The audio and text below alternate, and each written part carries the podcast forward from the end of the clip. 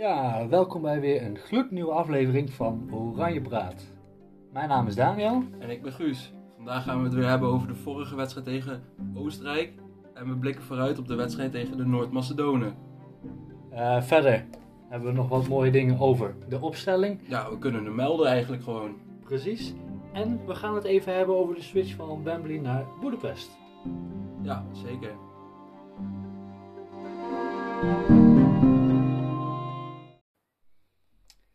Zo, als eerste. Uh, even terugblikken op Oostenrijk. Ja, we hebben gewonnen. Ja. we zijn uh, groepshoofd. ja joh, wie had dat gedacht? Nou ja, hadden we nou mogen verwachten, toch? Eigenlijk. Ja, normaliter wel, maar ik had het niet verwacht. Ik had echt verwacht dat we met moeite tweede zouden worden vooraf. Ja, nou ja, gewonnen. Ik had, ik had, Oostenrijk en Oekraïne echt, echt beter ingeschat voor het toernooi. Ja, uh, Oekraïne was, uh, was niet meer werelds makkelijkste wedstrijd. Maar Oostenrijk had ik wel beter, echt oprecht beter ja, ingeschat. Ze hebben geen kans gehad. We hebben niks weggegeven. Nee. Ja, het was uh, misschien over de hele wedstrijd misschien niet fantastisch. Maar er liepen wel een paar fantastische spelers bij. Zeker, zeker. En, nou, het, het was niet fantastisch, maar het was gewoon degelijk. Ja met een paar uitschieters omhoog. Ja. Ik vond Frenkie, die was echt, Frenkie de Jong was echt weergaloos. Ik vond hem echt, echt heel goed spelen. Zeker. Ja, die, die ene dribbel joh, dat hij zo hop tussen vier man vandaan gaat. Ja, maar elke keer die bal, die bal komt en hij draait gelijk weg of net. Je moet maar eens opletten hoe vaak hij de bal eigenlijk, maar dat is precies wat hij het beste kan doen. De bal net een half milliseconde voordat de tegenstander eigenlijk de bal afpakt, nog een klein tikje geeft en dan is hij er langs. Joh. Ja, ja hij, hij, hij, suggereert steeds, ik ga die kant op, die kant op. En dan gaat de tegenstander die kant op en hij gaat de andere kant op. Ja, hij was echt fantastisch. Maar ook, ook Dumfries, ja. ook goed. Hij was eigenlijk bij alle tweede goals betrokken. Hij veroorzaakte de penalty. Ja, dus indirecte assist. En die goal. En verder is hij eigenlijk niet naar voren geweest. Hij, is, hij heeft nou heel goed zijn moment uitgekozen om naar voren te gaan. Ja. De rest van de wedstrijd heeft hij eigenlijk alleen maar achter die back van... Uh, Oostenrijk achtergelopen. Ja, achteraan gelopen, maar ze hebben geen kans gecreëerd, dus dat heeft hij ook goed gedaan. Ja. Dus voor de topclubs heeft hij zich in mijn optiek alleen nog maar beter in het beeld gespeeld. Want hij heeft ook laten zien dat hij kan verdedigen. Ja, ja maar uh, wat ik al had begrepen, dat zelfs opeens uh, Bayern München nu komt aanzetten van nou misschien moeten we er iets mee. Ja, ja ik weet niet wat ze ermee moeten, maar... ik ook niet, maar... Kijk, hij doet het aardig, maar om nou bij, bij München in de basis te hebben, dat gaat ook weer een beetje ver. Ja, daar ben ik het dan uh, ook nog wel mee eens. Maar... Ik denk wel, Atalanta, dat is een beetje zijn niveau, gok ik. Om hem nou gelijk naar een wereldploeg te gaan sturen, dat vind ik ook overdreven. Ja, ik zou, ja, ah, ja, de Inter of zo zou ik wel bij hem vinden passen. Ja, maar ik denk uiteindelijk dat het toch heel lang gaat duren dat, voordat hij een transfer gaat maken. Want, uh, hij heeft nou een marktwaarde, dat gaat helemaal nergens over. Nou, dat gaat tegenwoordig al nergens nee, over. Wie gaat er nou 37 miljoen betalen voor Dumfries? Bayern München. nee, Bayern München doet uh, beleid met een hoofd. Hè. Die doen niet zo nee, gekke dingen. maar in Italië doen ze dat niet. Ja. Inter normaliter niet, nee, maar... Nee. Ah ja. ja. Zullen we net zien waar die heen gaat. Ja. Ah, verder, uh, Depay heeft echt zijn momenten gehad. Ja, was... wedstrijd. Ja. Hij heeft gewoon een paar echt hele goede momenten gehad. Ja, maar wel minder dan dat we van hem mogen verwachten, vind ik. Zeker, zeker. Maar hij is toch, toch belangrijk geweest. Hij, hij is, de penalties op dit EK, die gaan er niet makkelijk in. Nee. Hij maait hem gewoon erin. Maar hij wil ook nog even in de bres springen voor... Uh... En uh, uh, de, de steekbal op Malen. Of de paas op Malen, ja. Dan, dat is toch wel... Ja, die was fantastisch.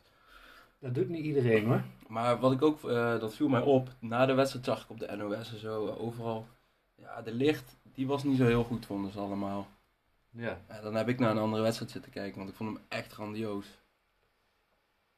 Want? Ja, er was zo'n... Hij zat er de hele tijd goed tussen, samen met de Vrijwer, die was ook heel goed. Mhm. Maar de hele tijd zat hij tussen en het beste moment, hij maakt zo'n tackle, hij belandt op zijn kont, maar in dat hij aan het glijden is, staat hij alweer op en heeft hij de bal. Fantastisch. Maar dat doet hij vaker, hè? Ja. Dat, is, dat is een van zijn kwaliteiten, die, die sliding. Precies, maar, dat doet, maar Ik bedoel, ja, Timber die was er op zijn kont blijven liggen. En dan was er misschien toch nog wel een kans uitgekomen voor Oostenrijk. Waarschijnlijk, ja, waarschijnlijk. En dan, ik vind het sowieso heel raar dat de media begint te zeuren over dat hij slecht speelt. Terwijl die Oostenrijkers hebben echt nul kansen gehad. Als je de statistieken erop naleest, ja, ja, nul, één, één. Ja, één schot. Nou, Allebei. Die, uh, het is dat hij uh, naar buiten curft, ja. anders was hij in de kruising ja. gevlogen. Maar dat was een schot wat ja, buiten, de, meter. ja, buiten de 16 dat was niet de verantwoordelijkheid van de centrale verdedigers. Dus ik vond het uh, best opvallend dat ze allemaal zeiden, de, de, nee, de licht die heeft slecht gespeeld. Waar halen ze dat nou vandaan? Ik bedoel, in de passing was hij toch ook niet zo heel slecht? Nou, wat beter. Nou, ja, ik ben wel een betere inspeelpaas van hem gewend. Ja. ja is hij, over het algemeen is hij daar echt best wel prima in, best wel goed in. Maar, uh, maar het is nou niet dat het, uh, dat het uh, zeg maar kaliber balverlies Maarten de Roon eerste wedstrijd was. Nee, maar als je hem hebt ziet spelen en het is alleen dat ze bal zijn bal, ja, zijn pases iets minder naar voren zijn dan normaal. Maar heeft hij dan een 5,5 gehaald? In mijn optiek niet. Nee. Nee, zeker niet. Nee. maar goed. Maar wij, wij Nederlanders moeten altijd wat te klagen hebben. Zijn we goed in. Nou, maar ze hebben, als je het aan mij vraagt, hebben ze juist een wedstrijd neergezet waardoor iedereen nou positief is. Ik bedoel, we gaan die Noord-Macedonië gaan we straks met 6-0 inmaken, geen probleem. Ja. En die krijgen geen kans. Niet eens eentje van 25 meter. Nee. Ja, waarschijnlijk. We gaan het zien. Ik ja, ben benieuwd. Ik ook. Ik ben niet benieuwd, want ik weet het al. We gaan voor 6-0 winnen. Oké, okay, nee, die staat 6-0. Prima. Prima. Um, verder, Oostenrijk. Oostenrijk, ja. Gewoon een matige ploeg, wat ik de vorige keer ook al zei. Ik had ze echt beter, in, uh, ja, beter ingeschat, maar toen ik die wedstrijd tegen Noord-Macedonië zag, dacht ik, nou, dit is toch een partij armoedig, hé. Maar het speelt niet samen als een team. Want er, zit, nee. er zitten echt wel spelers in met best wel prima kwaliteit. Maar dat ligt aan de en die, die bondscoach. echt niet bij, bij de kleinste club spelen. Nee, klopt. Maar dat ligt aan de bondscoach. Daar hebben ze in Oostenrijk hebben ze ook het hele toernooi al, een voor toernooi hebben ze al geouwehoerd met de media en ook binnen de selectie. Want zoals de vorige aflevering zei, komen ze bijna allemaal van de Red Bull school. Dus ze willen allemaal vol gas voetbal spelen, allemaal naar voren rennen. Allemaal hoog druk zetten, aanvallen, aanvallen, aanvallen.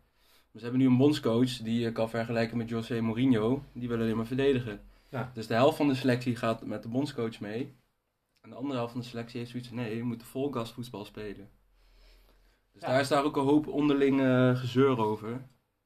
Bij de Oostenrijkers. En daarom spelen ze, hem, denk ik, niet, niet als een team. Zoals de Italianen wel spelen. Of Ja. zoals, of je het mooi vindt of niet, de Zweden ook spelen. Ja, zeker. Echt team, collectief. Ja. Dat valt bij eh, Oostenrijk ver te zoeken. Ja, zeker. zeker. Ehm, de penalty, ja? Vond je het penalty? Ja. Het is heel simpel. Er is gewoon contact in de 16 en dat is de penalty. En ehm, even denken. Dan op de, eh, komt op een gegeven moment Malen erin. Eigenlijk Ja. bijna vrijwel direct. Belangrijk, beslissend Ja. voor de goal. Ja. Eh, ja, we kunnen al vooruit gaan blikken op de volgende wedstrijd. Ehm, is het nu een beetje passé voor Weghorst en eh, Malen gaat de basis starten vanaf nu? Nou, ik weet niet of het passé voor Weghorst en Malen gaat starten vanaf nu is. Maar ik weet al wel dat Malen de volgende wedstrijd gaat spelen. Ja. Alleen, ik denk als we dan bijvoorbeeld tegen een... eh, het ligt een beetje aan wie, wie we in de achtste finale loten. Maar kom je daar tegen Spanje te staan, denk ik dat hij toch weer tegen eh, Woutje Weghorst eh, erin gooit. Hoezo? Omdat, ik, omdat hij als tactiek vasthoudt. Hij gaat, nou gaat hij er een paar inzetten om te kijken. Om ja, wat meer opties te hebben. En die opties wat beter te kunnen bekijken, denk ik. Ja, dat is een beetje de. Waarom ook dat nu pas op het toernooi moet, maar nog een lichte ontdekkingsfase. Ja, denk het wel. Maar waarom zou je anders al twee wedstrijden met Weghorst hebben gespeeld? Je hebt twee keer gewonnen. Ja. Hij heeft er eentje gemaakt. Dus ik zou, ik, ik zou de reden niet weten waarom hij het nou nog definitief zou veranderen. Na de volgende wedstrijd gaat hij niet hetzelfde doen als dat Italië gedaan heeft. Italië die speelde vandaag met eh, acht nieuwe spelers, vergeleken met de normale opstelling.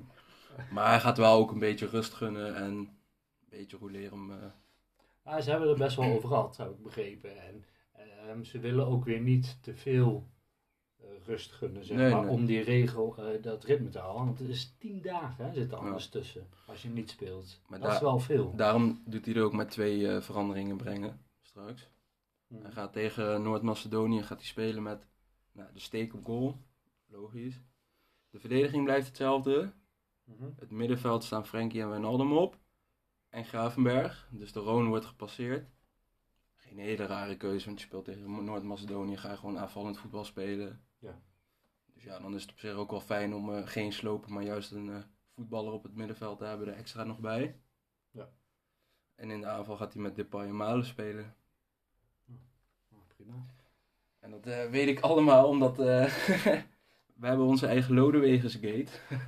Lodewegers die, eh, die is vanmiddag gespot met een briefje en daarop stond, eh, stond de opstelling gewoon gratis op. Ah, lekker handig, lekker handig. Dus ik kan voor 90% zekerheid zeggen dat dat de opstelling is. Ja. Oké. Dus ja. Maar Noord, Noord, wat denk jij? Gaat Noord-Macedonië, gaan we daarvan winnen? Natuurlijk. Het zou echt belachelijk zijn als we dat niet doen. Ja, zeker. Maar ik ben even, weet jij wat eh, Noord-Macedonië tegen Oekraïne heeft gedaan? Verloren, Hoeveel? volgens mij. Want Noord-Macedonië, ik vond ze tegen die wedstrijd tegen Oostenrijk, vond ik ze wel, tot de 70ste minuut vond ik ze echt nog, nou niet goed spelen. Maar ze speelden wel als collectief en ook echt proberen er wat van te maken. Ja, zeker. Nee, ze hebben, ze hebben ook verloren tegen Ja, Oekraïne. dat klopt ja, dat was 2-1. 2-1. 2-1. Dus dat is ook geen afgetekende uitslag. Dus Maar- het is nog wel, ik, ik zeg wel, we gaan 6-0 winnen, maar het is nog niet zo'n makkelijk ploegje hoor. Nee. En die strijden natuurlijk ook nog voor de derde plek hè. Ja, als die winnen, dan zijn ze gewoon derde. En dan eh, eh, zouden ze zomaar. eh zeg ik dat goed? Ja. Ja. Dus ja hangt er een beetje vanaf wat Oostenrijk doet. ik denk dat we gewoon snel moeten scoren. Ja. Je, sta je met de rust nog 0-0, dan kan het nog wel eens vervelend gaan worden. Zo'n ploeg die er alles voor doet. Die gaan dan ook met lompe tackles komen, terwijl je er eigenlijk helemaal geen zin meer in hebt om die wedstrijd nog te spelen. Want je, je wil je eigenlijk gewoon gaan voorbereiden op volgende week zondag. Ja, het liefst wel. En eh, zo min mogelijk eh, blessures en dergelijke oplopen. Precies. Oh ja, over blessures trouwens. We, we hebben de vorige aflevering gezegd dat het nog wel eens eh, de nieuwe Battle of Nuremberg kon worden. Het gevecht van Amsterdam kon gaan worden. Nou ja, Is toen- het dat geworden? Nee. Nee, nee. Maar toen die eerste pingel kwam, toen dacht ik wel, nou, ja, nou, maar de, zou zomaar eens kunnen gebeuren. de eerste 25 minuten heb ik een paar tackles gezien. Toen dacht ik, nou, de sfeer zit er goed in. Het, sfeer- het ging er wel even op. ja, ik dacht, nou, dat kan zomaar eh, nog wel eens uit de klauwen gaan lopen. Maar toen uiteindelijk ging het allemaal wat rustiger. En is het uiteindelijk niet de nieuwe Battle of eh, Nuremberg geworden. nou, gelukkig maar niet, denk ik. Het was, het, het was een gevecht bij de, bij de eetjes bij het boksen. Ja. Ehm, ja, dan hebben we Oostenrijk gehad. ja. Eigenlijk Macedonië ook al. Eh, ehm, Nou, er is nog voor Noord-Macedonië. De opstelling staat voor 90% vast. Maar er zijn ook mensen die roepen tegen Noord-Macedonië. Ga nou met 4-3-3 spelen. Moet hij dat doen? als hij eh, zo standvastig is aan eh, het 5-3-2, wat nu langzaam zijn profijt begint te, te, te vertonen, om het zo maar te zeggen. Of te Ja. laten zien dat we daar echt wel iets mee kunnen. Eh, of ja, Ja. dan zou ik daar gewoon bij blijven. Dit is juist een mooie pot nog om met net wat andere spelers dat systeem wat verder te, te ontwikkelen. Eh, zodat je in de, in de eh achtste daar gewoon klaar voor bent. ja. En dan moet je niet, eh, misschien dat je zegt, oké, de laatste 20 minuten gaan we 4-3 spelen. Ja, ik ben het daar wel mee eens dat je hem gewoon weer die 5-3-2 moet spelen. Om juist nog even nog een keertje die alle. Ja. ja, hoe noemen ze dat? Ja, alle lijnen. alle principes erin te krijgen. alle- Precies, wie waar staat, al alle je kleine afspraken details. duidelijk hebben. Want anders is het, weet je, je kan het op de training oefenen, maar dat is anders dan, dan in de tuurlijk, wedstrijd. tuurlijk. En, maar ik heb wel één kantteken. Ik zeg nou niet dat je 4-3 moet gaan spelen, maar ik heb wel één kantteken erbij. We hebben nou twee wedstrijden op het EK met die tactiek gewonnen. Mhm. We hebben in de voorbereiding één wedstrijd met die tactiek geworden en één wedstrijd met die tactiek gelijk gespeeld. Het is ook nog niet tegen die twee eh, wedstrijden op het EK ook nog niet. Er zijn ook geen, echt geen hoogvliegers geweest waar we tegen gespeeld hebben. Het is nou ook nog niet zo geweest van. Nou, als we zo gaan spelen, dan kunnen we Spanje misschien wel hebben. Nee, dat idee heb ik ook niet. Ik moet het echt nog zien als we tegen een beter land komen. Zeker. Want nou, eigenlijk, Noord-Macedonië is ook niet weer echt een test om nog te kijken naar hoe, gaat die eh, hoe werkt die tactiek Nee, tegen klopt. een betere tegenstander. Klopt. En eh, daar zullen we pas wat later in het toernooi achter komen. Eh, in de achtste finale, ja, het ligt er een beetje aan hoe het allemaal valt uiteindelijk in de achtste finale. Ja. Daar hebben we het zo even over wat, eh, hoe en wat. Ja. Maar ehm, aan de ene kant is het toch wel weer, ook wel weer lekker dat het niet meteen de moeilijkste tegenstander is. Want dan kan je meer concentreren nog op zorgen dat het ehm, functioneert zoals je wil dat het functioneert.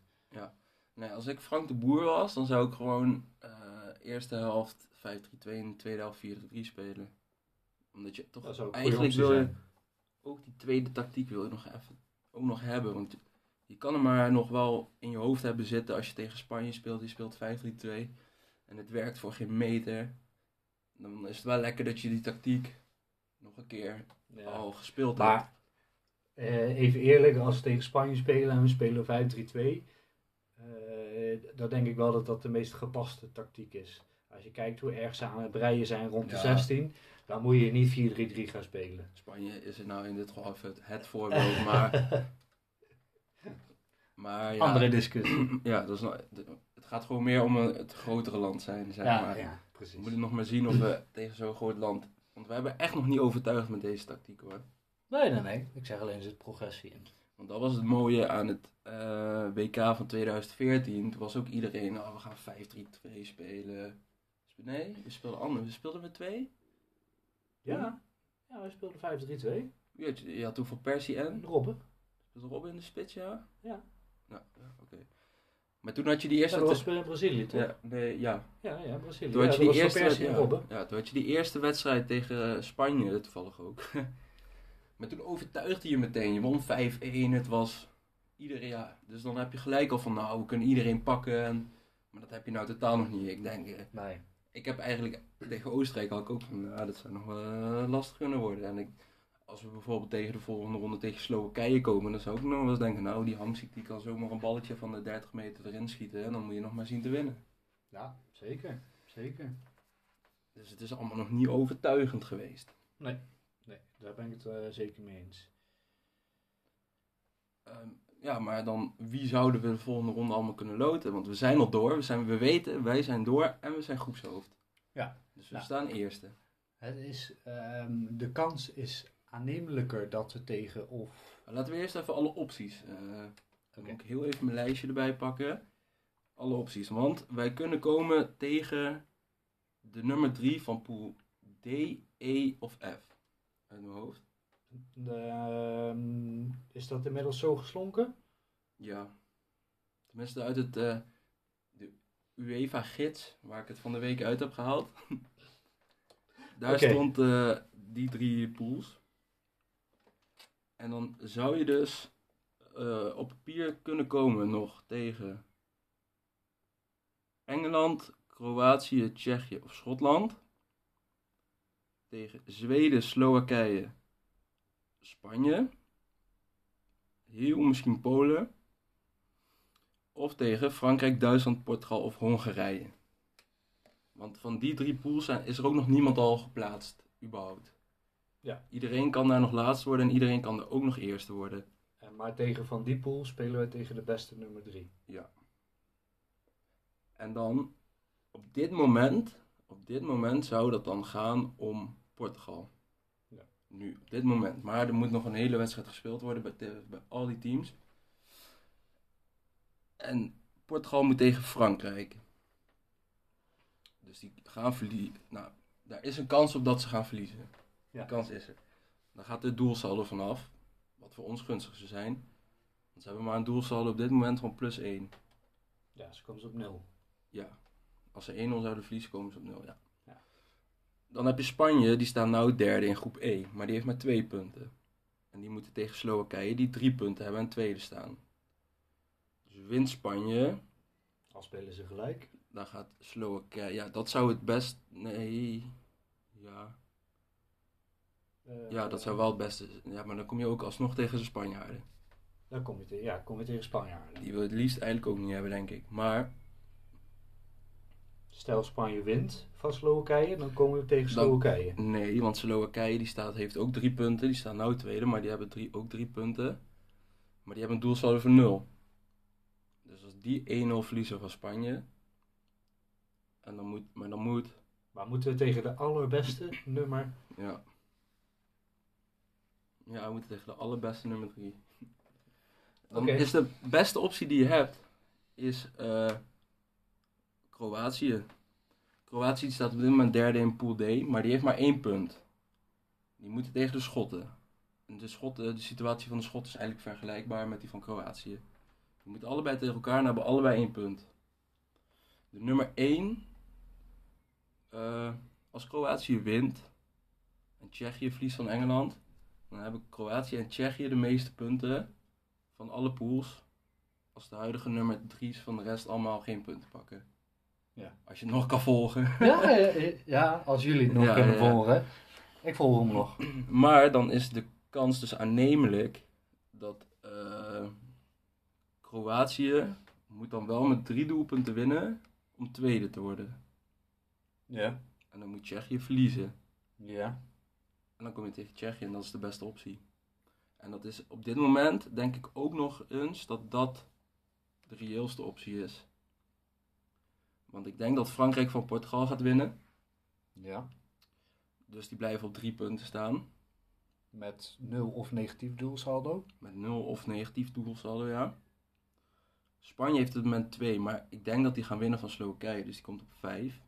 Dan is het geen nummer 3 Dan meer. is het automatisch al geen nummer 3 meer. Eh, Polen gaat denk ik niet winnen van Zweden. Nee. Dus die blijven ook op één punt staan. Maar ik denk wel dat Engeland van Tsjechië gaat winnen. En die, hebben, al- die Tsjechen hebben al vier punten. En ik denk dat Kroatië ook wel van Schotland gaat winnen. En die hebben al één punt. Dus die zouden dan ook op vier punten komen. Dus ik zou mijn geld zetten op Tsjechië of Kroatië. Oké. En dat zijn gelukkig wel twee landen waarvan ik zeg, Dat zou kunnen. die zou je kunnen hebben. Ja. Die zou je zeker kunnen hebben. Maar, er nou, in principe hoeft dat helemaal niet een extra factor te zijn. Maar het is onze eerste eigenlijk, ja eigenlijk spelen we morgenavond spelen we al uit. Maar we spelen uit in de Amsterdam Arena. Dus gewoon een thuiswedstrijd eigenlijk. Want er zitten alleen maar mensen van Oranje op de tribune. Precies. Ja, Oranje gekte. Maar, de achtste finale spelen we in Budapest. Daar mag het hele stadion vol. 60.000 man. Dat ook. Maar het is Boedapest, dus het stadion zou niet alleen gevuld zijn met oranje fans. Nee, zeker niet. Er zullen, eh Boedapest ligt volgens mij best dicht bij Kroatië, of ligt in ieder geval dichter in de buurt bij Kroatië als dat Amsterdam zou liggen. Zeker. Of bij Tsjechië hetzelfde, geldt hetzelfde voor. Dus er zullen ook al meer uitsupporters zijn. Ja, waarschijnlijk wel. Nou weet ik dat er best aardig wat eh Holland-fans al een kaartje richting Tsjechië, eh, of Tsjechië, richting eh, Boedapest. Boedapest hebben geboekt. Ik weet dat de, de fanclub, of de, ja, gewoon de supportersvereniging, Mhm. die heeft al een aparte vlucht gefixt, een extra vlucht. Dus er gaan echt wel wat Nederlanders naartoe en die gaan ook weer zo'n oranje mars houden. Het wordt echt weer het EK-gevoel, zeg maar. In, weet je wel, eh Ja, je kent het wel. Ja, ja, ja, precies. Dus er zullen ook wel genoeg Nederlanders. Maar het is wel een soort van de eerste uitwedstrijd. Je hebt nou opeens ook te maken met reistijd in je voorbereiding. Je moet heen vliegen. Een nieuw hotel, een nieuw, nieuw. Ja. Ja, dat is toch weer, eh, toch weer allemaal extra. Terwijl onze tegenstander, die is daar al aan gewend. Ja. Die hebben één keer in Wembley gespeeld en één keer ergens anders. Als we tegen Tsjechië of dingen zouden komen. Ja. En voor Duitsland of Frankrijk of Portugal geldt dat ook. En voor Spanje, niet. Spanje niet. Spanje heeft hetzelfde probleem als wij. Maar voor Zweden en Slowakije geldt het ook. Ja. Maar die hebben het dus al gehad. Dus die hebben dat al in hun systeem zitten. Dat ze elke keer moeten reizen en moeten vliegen. Ja. Dus ik ben benieuwd hoe dat, eh, hoe dat uit gaat pakken. We gaan, ja, ik ook. Ik, eh, ik hoop dat jouw theorie een beetje waar wordt. Ja. Het zou prettig zijn voor Nederland. Ik hoop het ook. Wie denk jij dat het gaat worden? Eh, worden, in de zin van? Ja, welk land denk jij, dus gewoon een wilde gok in het westen hoor, maar welke land denk jij dat we tegen gaan komen? Dat wij tegen gaan komen. Ja. Portugal. Portugal, ja? Ja. Ik denk dat het Kroatië wordt. Ja. Want ik denk dat Portugal inderdaad gaat verliezen. En ik denk dat, maar als Kroatië dan wint, dan zijn we er. Dan hoeven we niet tegen Portugal. Ja. ja, maar ja, dan moet Kroatië wel winnen. Ja, nou ik zou Luka Modric even een belletje doen eh, morgen. Doe maar, doe maar. Dat hij, eh, dat hij wat hij bij Real doet, dat hij jong maar is en dat eh, in, in, dat, in de theedoek van Kroatië moet doen. dat t-shirt. ik vind het ook, aan de ene kant vind ik het echt een lelijk shirt, aan de andere kant vind ik het ook wel weer een mooi shirt. Ik vind hem wel wat hebben. Omdat hij zo Oh, apart is toch, maar het lijkt wel een beetje op een theedoek. Nou, ja, je zou er een kunnen zien, dat klopt. Ehm, dan nog een ding. Ja, Eh, van de week heeft de UEFA gezegd... Ja, we weten niet of de finale doorgaat in Wembley. ja omdat eh, daar... Vanwege de, de Delta variant. Delta-variant Ah. daar. Hebben ze gezegd, eh, we zijn aan het overwegen om naar een ander stadion te gaan. Eh, en dat zou dan Boedapest zijn. Nou, mooi, dan kunnen we gelijk hotel boeken en er blijven, lijkt mij. Nou, hoppakee. maar eh, ja, het staat nog niet helemaal vast, volgens mij. Maar het, eh, eh, nou, als we kijken naar de ontwikkeling eh, eh, in Engeland, dan lijkt het me zeer aannemelijk dat het toch wel gaat gebeuren. Want ik weet dat ze, de- ja, ze zijn er gewoon voorzichtig in. Ja, ze zijn er bang voor, ja. Ja, het, mij maakt het niet uit waar die finale gespeeld wordt, joh. Als, als de vol staat, dan is het mooi. Nou, kijk, in Engeland zou het geen volstaan nee, daarom. Dus dan is en in Boed- Boedapest eigenlijk Boedapest alleen maar is mooier. gewoon hoppa, 60.000 man. En eigenlijk is dat Wembley ook alleen maar leuk voor die Engelsen als ze in de finale staan. Maar ja, we weten, na- we niet. weten nou al na afgelopen week weer dat ze het niet naar huis gaan brengen daar. Dat roepen ze altijd, we're bringing it home. It's coming home, zeggen ze altijd. It's coming home. Nou, ze, als het toernooi in Engeland was ge- gehouden, was het ook niet eh, coming home. Dan was het weer weggegaan. die Engelsen die Ja. verklooien het altijd. Ja, klopt. Ehm, Dat eh, was hem denk ik voor vandaag. Ja. niet? ik heb zo eh 1, 2, 3 niet nog eh, andere puntjes. Nee, we hebben... Volgende week hebben we denk ik weer wel weer een wat langere, want dan hebben we een wat langere aanloopperiode naar de wedstrijd toe. En dan is, dan is er ook, eh, denk ik, wat meer eh, te bespreken. We hebben natuurlijk Nou, We hebben vlucht, et cetera. Om Nederland is veel te bespreken. Ja. Maar dan zijn alle pools zijn bekend. Alle achtste finales zijn bekend. Precies, dan kunnen we alvast gaan rekenen wie we Eh, in de finale gaan treffen. Precies. Dus eh, dan, eh, dan is er veel meer vooruitzicht mogelijk. Ja, denk ik ook.